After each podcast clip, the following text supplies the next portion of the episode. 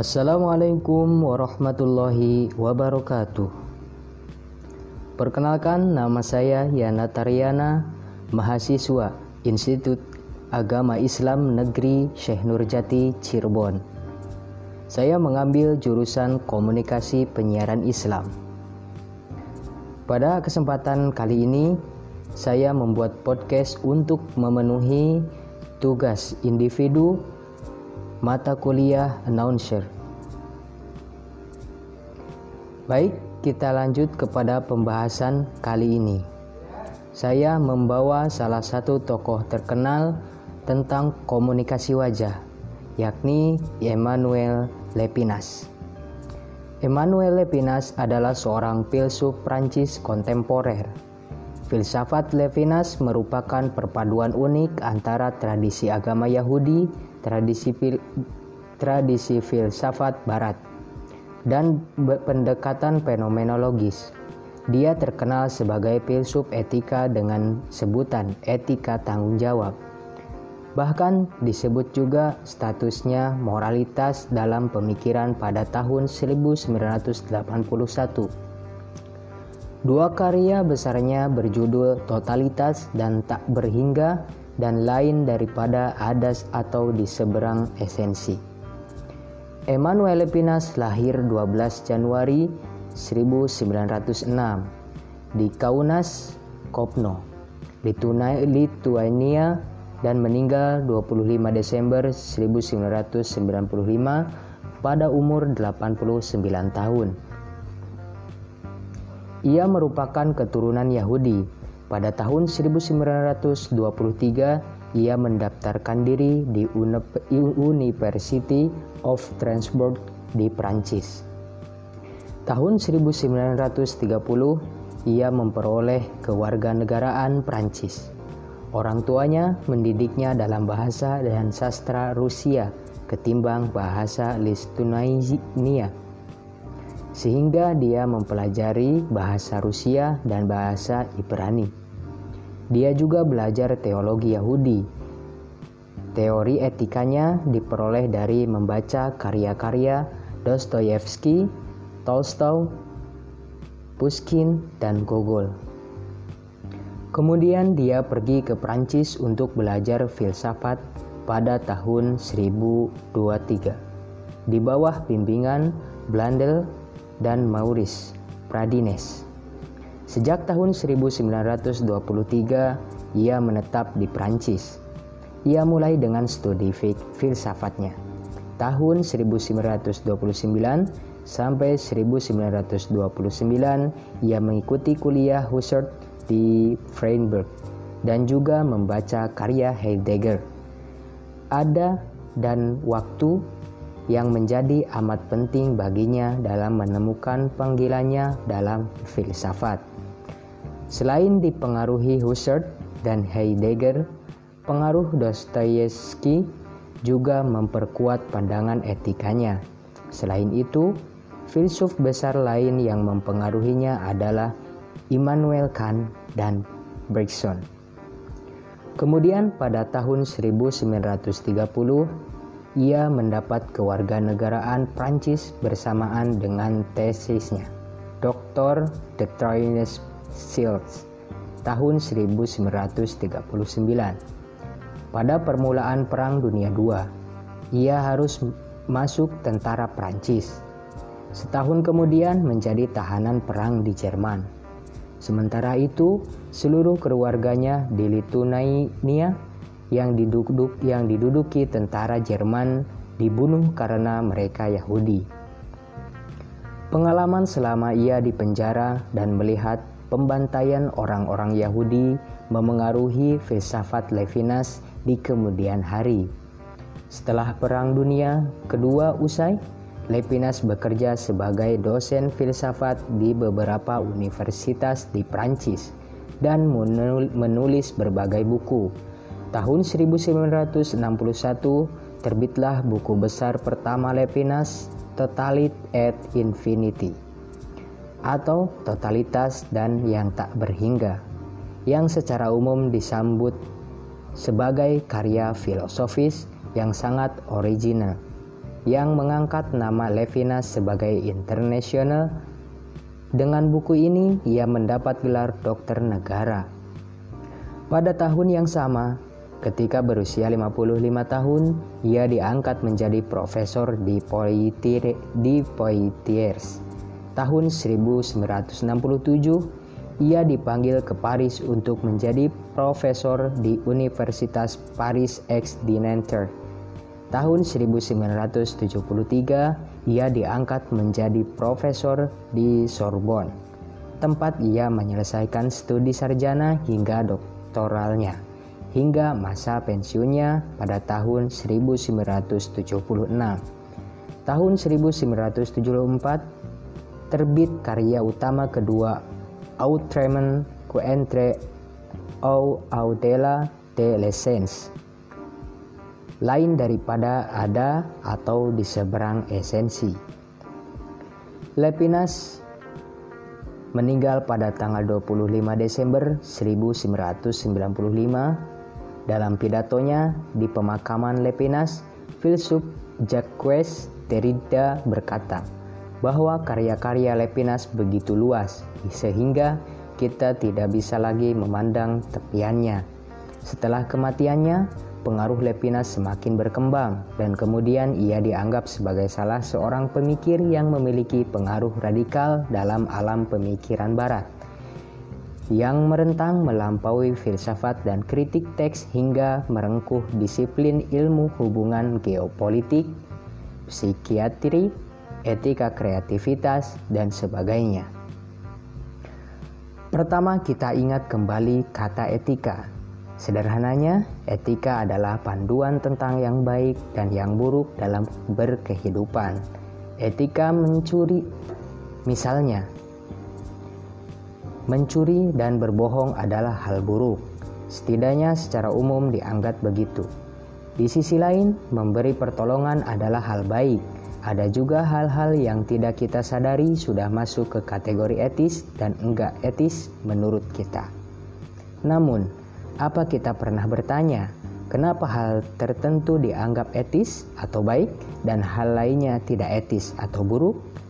Dalam berinteraksi dengan manusia lain, hubungan seperti apa yang disebut hubungan atau relasi yang etis dan bagaimana yang tidak etis? Emmanuel Levinas punya pendapat untuk pertanyaan-pertanyaan di atas. Menurut Levinas, etika bukanlah menyangkut teori mengenai baik buruknya tindakan tertentu. Etika bukan sebuah aturan universal yang ajak dan harus diikuti seluruh umat manusia. Etika, menurut Levinas, merupakan relasi yang lahir dari pertemuan konkret dengan orang lain yang memiliki wajah. Kata kunci yang perlu terus diingat dalam memahami pemikiran Levinas mengenai etika adalah pertemuan konkret orang lain dan wajah. Pertemuan konkret yang dimaksud Levinas adalah pertemuan yang nyata face to face diri kita dengan orang lain.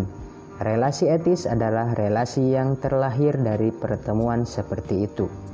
Bukan pertemuan yang terjadi di dalam kepala kita, bukan gagasan-gagasan atau asumsi-asumsi personal kita tentang orang lain. Jadi pertama-tama untuk mengetahui bagaimana itu relasi etis, kita harus secara konkret berhadapan dengan orang lain. Hal berikutnya adalah wajah. Wajah dalam pendapat Lepinas mengenai etika bukanlah wajah manusia secara fisik, melainkan keseluruhan cara orang lain atau the other memperlihatkan dirinya ke hadapan aku. Jadi, relasi etis adalah apa yang terjadi antara aku dan yang lain dalam sebuah pertemuan yang konkret. Menurut Immanuel Levinas, manusia cenderung menyerap segala hal di luar dirinya untuk menjadi bagian dari dirinya. Ini disebut totalitas. Manusia tidak nyaman dengan sesuatu yang tidak ia kenal, maka ia memberi hal yang asing itu sebuah nama. Mencari-cari di dalam ingatannya hal yang serupa dengan hal asing itu, lalu menyerap hal asing itu ke dalam dirinya menuju sebuah totalitas. Totalitas ini dipandang Lepinas sebagai sebuah sikap yang bukan etis, karena bergerak menuju diri sendiri atau egosentris dan selalu ingin menguasai pihak yang lain. Untuk mencegah terjadinya totalitas, Lepinas menyebut bahwa pihak yang lain sebagai manusia yang memiliki wajah, dan wajah ini merupakan jejak dari yang tak terbatas. Sampai di sini kita bakal sadar, pemikiran Immanuel Lepinas mengenai etika sangat metafisik. Tapi kira-kira begini maksudnya, kita tidak bisa memahami orang hanya selalu melalui gagasan yang sudah kita miliki sebelumnya tentang dia. Kita harus bertemu secara langsung dengannya dan membiarkan dia dengan seluruh niatan yang ia sendiri miliki memperlihatkan keseluruhan dirinya kepada kita.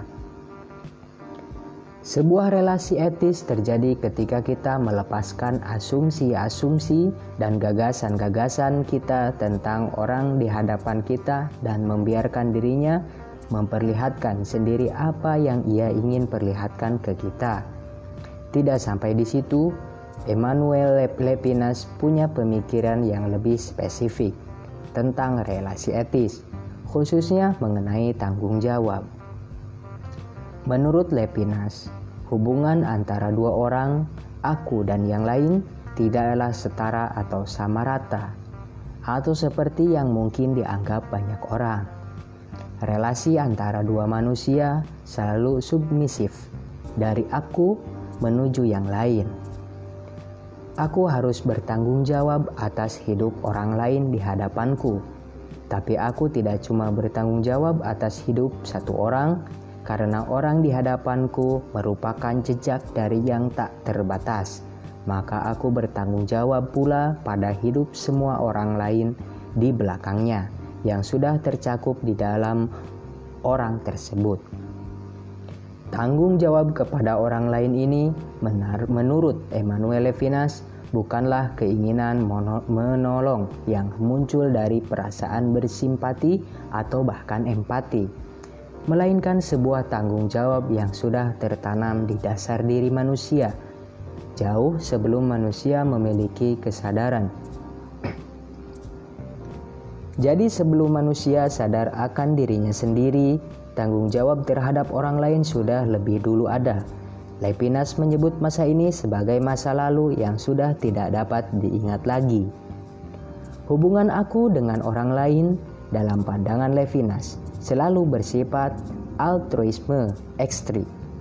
Aku mengorbankan sesuatu yang aku punya demi hidup orang lain, tetapi dalam etika Levinas bukan hanya tidak terdapat lagi egoisme di situ, tetapi kita bahkan terpenjara oleh kehadiran orang lain. Saat ada orang lain di hadapan kita, kita sudah dituntut bertanggung jawab kepadanya kenyamanan individualisme kita terusi. Cara kita hidup dan berek bereksistensi dipertanyakan. Etika bukan sesuatu yang perlu didiskusikan lebih jauh lagi. Tindakan etis tidak memerlukan niatan sengaja atas dasar berempati, tapi merupakan hal yang tidak terhindarkan. Bagi Levinas, untuk menjadi manusia yang etis adalah melayani manusia lain dengan penyerahan diri yang sepenuhnya. Mirip seperti penyerahan diri kepada Tuhan, hanya saja dalam pandangan ini yang menjadi subjek penyerahan diri adalah manusia lain.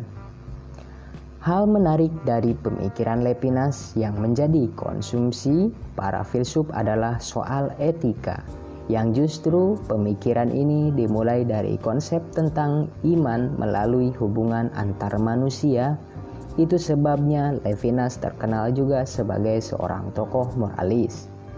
Awalnya Levinas berpikir bahwa seluruh rangkaian pemikiran barat dengan semua kemajuan ilmu pengetahuan sejatinya telah membuat manusia menjadi, menjadi terlalu agresif sehingga mementingkan diri sendiri. Maka timbul masalah ontologi budaya yang selalu menghalangi pandangan seseorang terhadap hubungan fundamental dengan sesamanya yang terus berlangsung dari waktu ke waktu sampai mati. Fenomena ini menurut Levinas adalah totalitas dalam diri individu yang bersifat egosentrisitas. Totalitas muncul dalam tradisi filsafat barat sejak Descartes yang menempatkan pribadi manusia sebagai individu yang total. Dan seharusnya manusia sebagai individu yang total berperan sebagai subjek yang terpisah dari segala objek lain di luar dirinya sendiri atau manusia lain, makhluk lain, atau benda-benda yang lainnya. Totalitas harus dihancurkan oleh yang tak terhingga, Dikatakan yang tak terhingga karena realitas di luar diri manusia tidak dapat dikuasai oleh totalitas individu manusia itu sendiri. Ambivalensi etis Menurut sang moralis Levinas, bahwa dalam melihat kenyataan terhadap sesama muncul ambivalensi. Ada dua sikap memandang kenyataan, yaitu kenyataan sebagai totalitas dan kenyataan sebagai ketakberhinggaan. Pertama, kenyataan sebagai totalitas adalah dengan munculnya pemikiran yang menganggap kenyataan sebagai totalitas hingga berasumsi bahwa seluruh realitas dapat dimengerti. Artinya, manusia sebagai subjek yang mampu menangkap seluruh kenyataan sebagai objek. Seluruh kenyataan ini dianggap sebagai satu sistem dengan manusia sebagai pusatnya.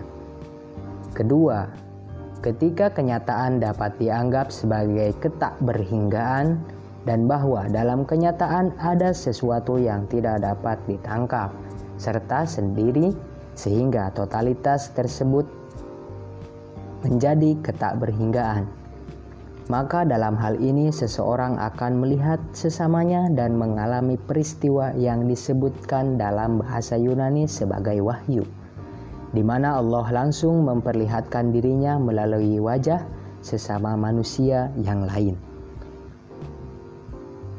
Wahyu dalam wajah sesama. Mari kita sedikit memahami konsep wajah. Pada bagian kedua di atas, bahwa dalam hal ini wajah manusia akan mengatasi semua objek, mengatasi dunia fisis, dan menjadi sesuatu yang metafisis, bahkan yang transenden. Wajah manusia merujuk ke unsur yang lain dengan huruf-huruf besar. Kalau saya melihat sesama manusia, saya pun diadili dari atas. Hubungan antara manusia dan sesama menjadi tidak simetris. Hakikat tanggung jawab menurut Levinas. Tanggung jawab sebagai fakta terberi eksistensial Levinas telah meletakkan etika tanggung jawab yang pada dasarnya ia pahami sebagai tanggung jawab melalui dan bagi yang lain. Tanggung jawab terjadi pada saat wajah tampil dan sifatnya absolut. Pada hakikatnya, Tanggung jawab bagi yang lain bukan berasal dari inisiatifku, melainkan mendahului kebebasanku. Tanpa diperintah oleh pihak lain, saya sudah dan harus bertanggung jawab pada wajah yang tampil. Dengan kata lain, bertanggung jawab terhadap orang lain bukanlah suatu perintah. Karena bukan suatu perintah, maka saya tidak dapat mengelak dari tanggung jawab itu. Levinas mengatakan, "Pada saat orang lain memandang saya, saya bertanggung jawab terhadap dia, dan tanggung jawab itu bertumpu pada saya." Tanggung jawab sudah mendahului, mendahului atau mendasari sikap dalam bahasa sehari-hari kita. Sebut tanggung jawab misalnya, tanggung jawab orang tua terhadap anak-anak mereka. Levinas menegaskan bahwa begitu seorang menghadap dan sebelum saya sempat mengambil sikap terhadapnya, misalnya, apakah saya menerima baik atau menolak orang itu, saya sudah dibebani tanggung jawab atasnya. Tanggung jawab primordial itu baru membuka kemungkinan untuk mau bersikap tanggung jawab atau tidak mau. Tanggung jawab sudah diatributkan pada saya sebelum atau mendahului inisiatifku. Artinya, tanggung jawab bukanlah suatu dorongan atau sikap altruistik. Tanggung jawab adalah data pertama yang mendasari segala sikap yang diambil. Tanggung jawab menjadi data paling mendasar dan titik tolak segala sikap dan tindakan, yakni saya ada demi orang lain. Jelaslah bahwa tanggung jawab yang dimaksudnya adalah tanggung jawab yang bukan dimulai dari suatu komitmen dan keputusan, tanpa prinsip dan asal-usul karena tanggung jawab itu berada di luar pengetahuan. Tanggung jawab non-normatif Lepinas tidak memberikan suatu perintah atau peraturan tertentu sebagai landasan dalam tanggung jawab. Di sini ia tidak berbicara secara normatif, bukan normatif dalam arti bahwa Lepinas tidak mengatakan kita harus memperhatikan orang lain, harus menghormatinya, harus bersedia bertanggung jawab atasnya. Ia tidak memberikan suatu aturan yang harus kita laksanakan, karena ia berbicara secara fenomenologis dengan menunjuk pada sebuah kenyataan dalam kesadaran kita. Lepinas ingin menjelaskan bahwa berhadapan dengan orang lain, kita selalu sudah terikat tanggung jawab atasnya, dan segala sikap yang kita ambil dalam kesadaran sehari-hari berdasar pada tanggung jawab itu. Ia mau membuka mata kita akan suatu lapisan kenyataan dalam kesadaran yang umumnya tidak diperhatikan. Kita biasanya tenggelam dalam hiruk-pikuk kesibukan sesaat, tapi sebenarnya beban tanggung jawab primordial itulah dorongan dasar segala perhatian dan keprihatinan kita. Tanggung jawab bagi orang lain. Etika Levinas lebih tepat disebut etika fundamental. Ia mencoba menunjukkan bahwa manusia dalam segala penghayatannya dan segala sikapnya didorong oleh sebuah impuls etis yakni tanggung jawab terhadap sesama. Kenyataan paling mendasar adalah berjumpa perjumpaan dengan seseorang. Penampakan wajah mengundang saya untuk bertanggung jawab Lewat prinsip inilah, maka tanggung jawab itu senantiasa terarah pada yang lain melalui orang lain. Sehubungan dengan itu, Lepinas mengatakan, "Saya mengerti tanggung jawab sebagai tanggung jawab atas orang lain." Jadi, seperti tanggung jawab pada apa yang adalah bukan perbuatan saya, atau untuk apa yang bahkan bukan persoalan atas saya atau yang mana justru melakukan persoalan pada saya adalah bertepuk dengan saya seperti wajah. Lepinas ingin menegaskan bahwa subjek bukanlah bagi dirinya, tapi seorang untuk orang lain. Subjek menjadi subjek karena bertanggung jawab atas orang lain. Saya memberi perhatian bukan bagi diriku sendiri, namun pertama-tama bagi orang yang mendatangiku dengan wajahnya Nodings menegaskan bahwa secara ontologis manusia selalu berelasi dengan orang lain. Pribadi yang bertanggung jawab berarti a being that is not for its faith but is for all. Biasanya dikatakan bahwa saya bertanggung jawab atas perbuatan saya saja. Sebaliknya, menurut Lepinas, saya bertanggung jawab atas perbuatan orang lain. Malah saya bertanggung jawab atas pertanggungjawaban orang lain. Penegasan ini memunculkan suatu pertanyaan baru, yakni apakah orang lain itu sendiri tidak bertanggung jawab? Atas pertanyaan ini Levinas menjawab bahwa barangkali, tapi itu adalah urusannya sendiri. Relasi etis yang dimaksud Levinas adalah relasi etis asimetris sikap, sikap tanggung jawab atas orang lain tanpa menunggu resiprositas dari orang lain. Tanggung jawab substitusional. Lepinas memahami tanggung jawab atas perbuatan dan kesalahan orang lain. Dalam konteks inilah ia menggunakan istilah sub substitution. Substitution berarti saya mengganti tempat orang lain atau menjadi sandera bagi orang lain.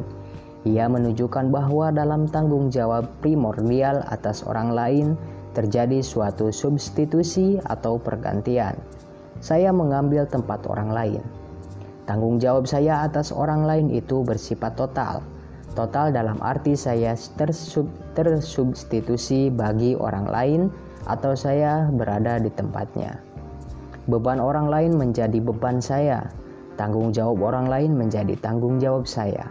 Artinya, tanggung jawab harus dipahami secara pasif, yang mana tanggung jawab itu berlangsung di luar kebebasanku dalam tanggung jawab, saya serentak menggantikan posisi orang lain pada saat yang sama.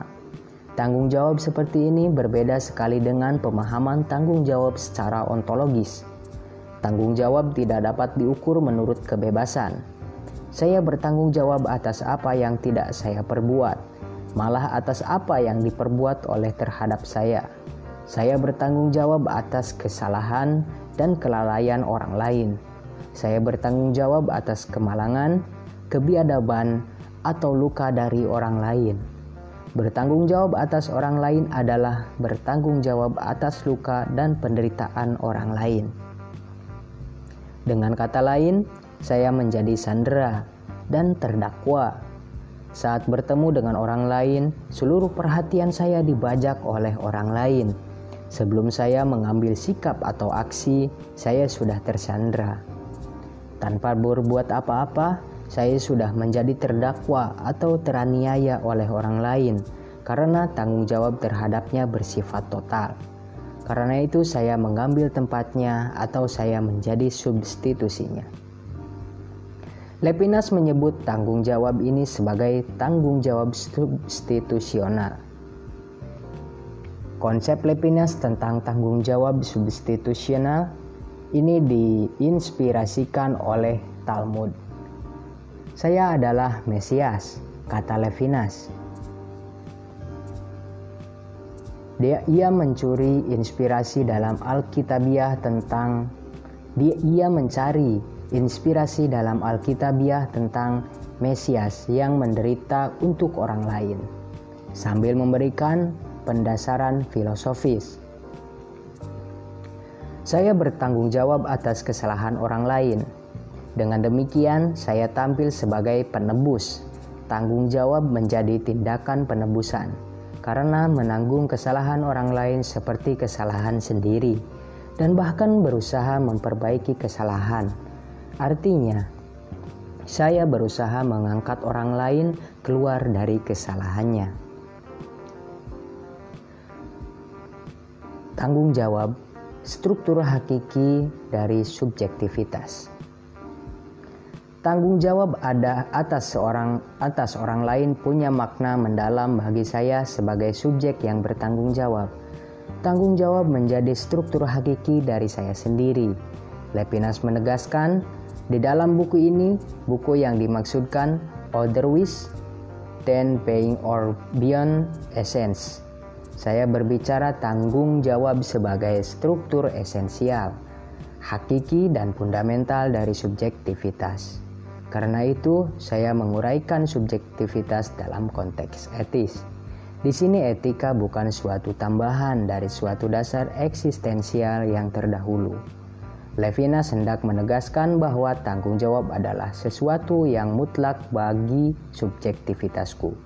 Dengan demikian, bagi Levinas, subjektivitas itu sendiri secara radikal merupakan tanggung jawab. Tanggung jawab itu adalah jawaban terhadap perintah yang dialamatkan untuk melakukan perbuatan yang nyata. Tanggung jawab itu adalah berhubungan dengan orang lain. Tanggung jawab mendasari eksistensiku, ia memahami subjektivitas dalam konteks etis.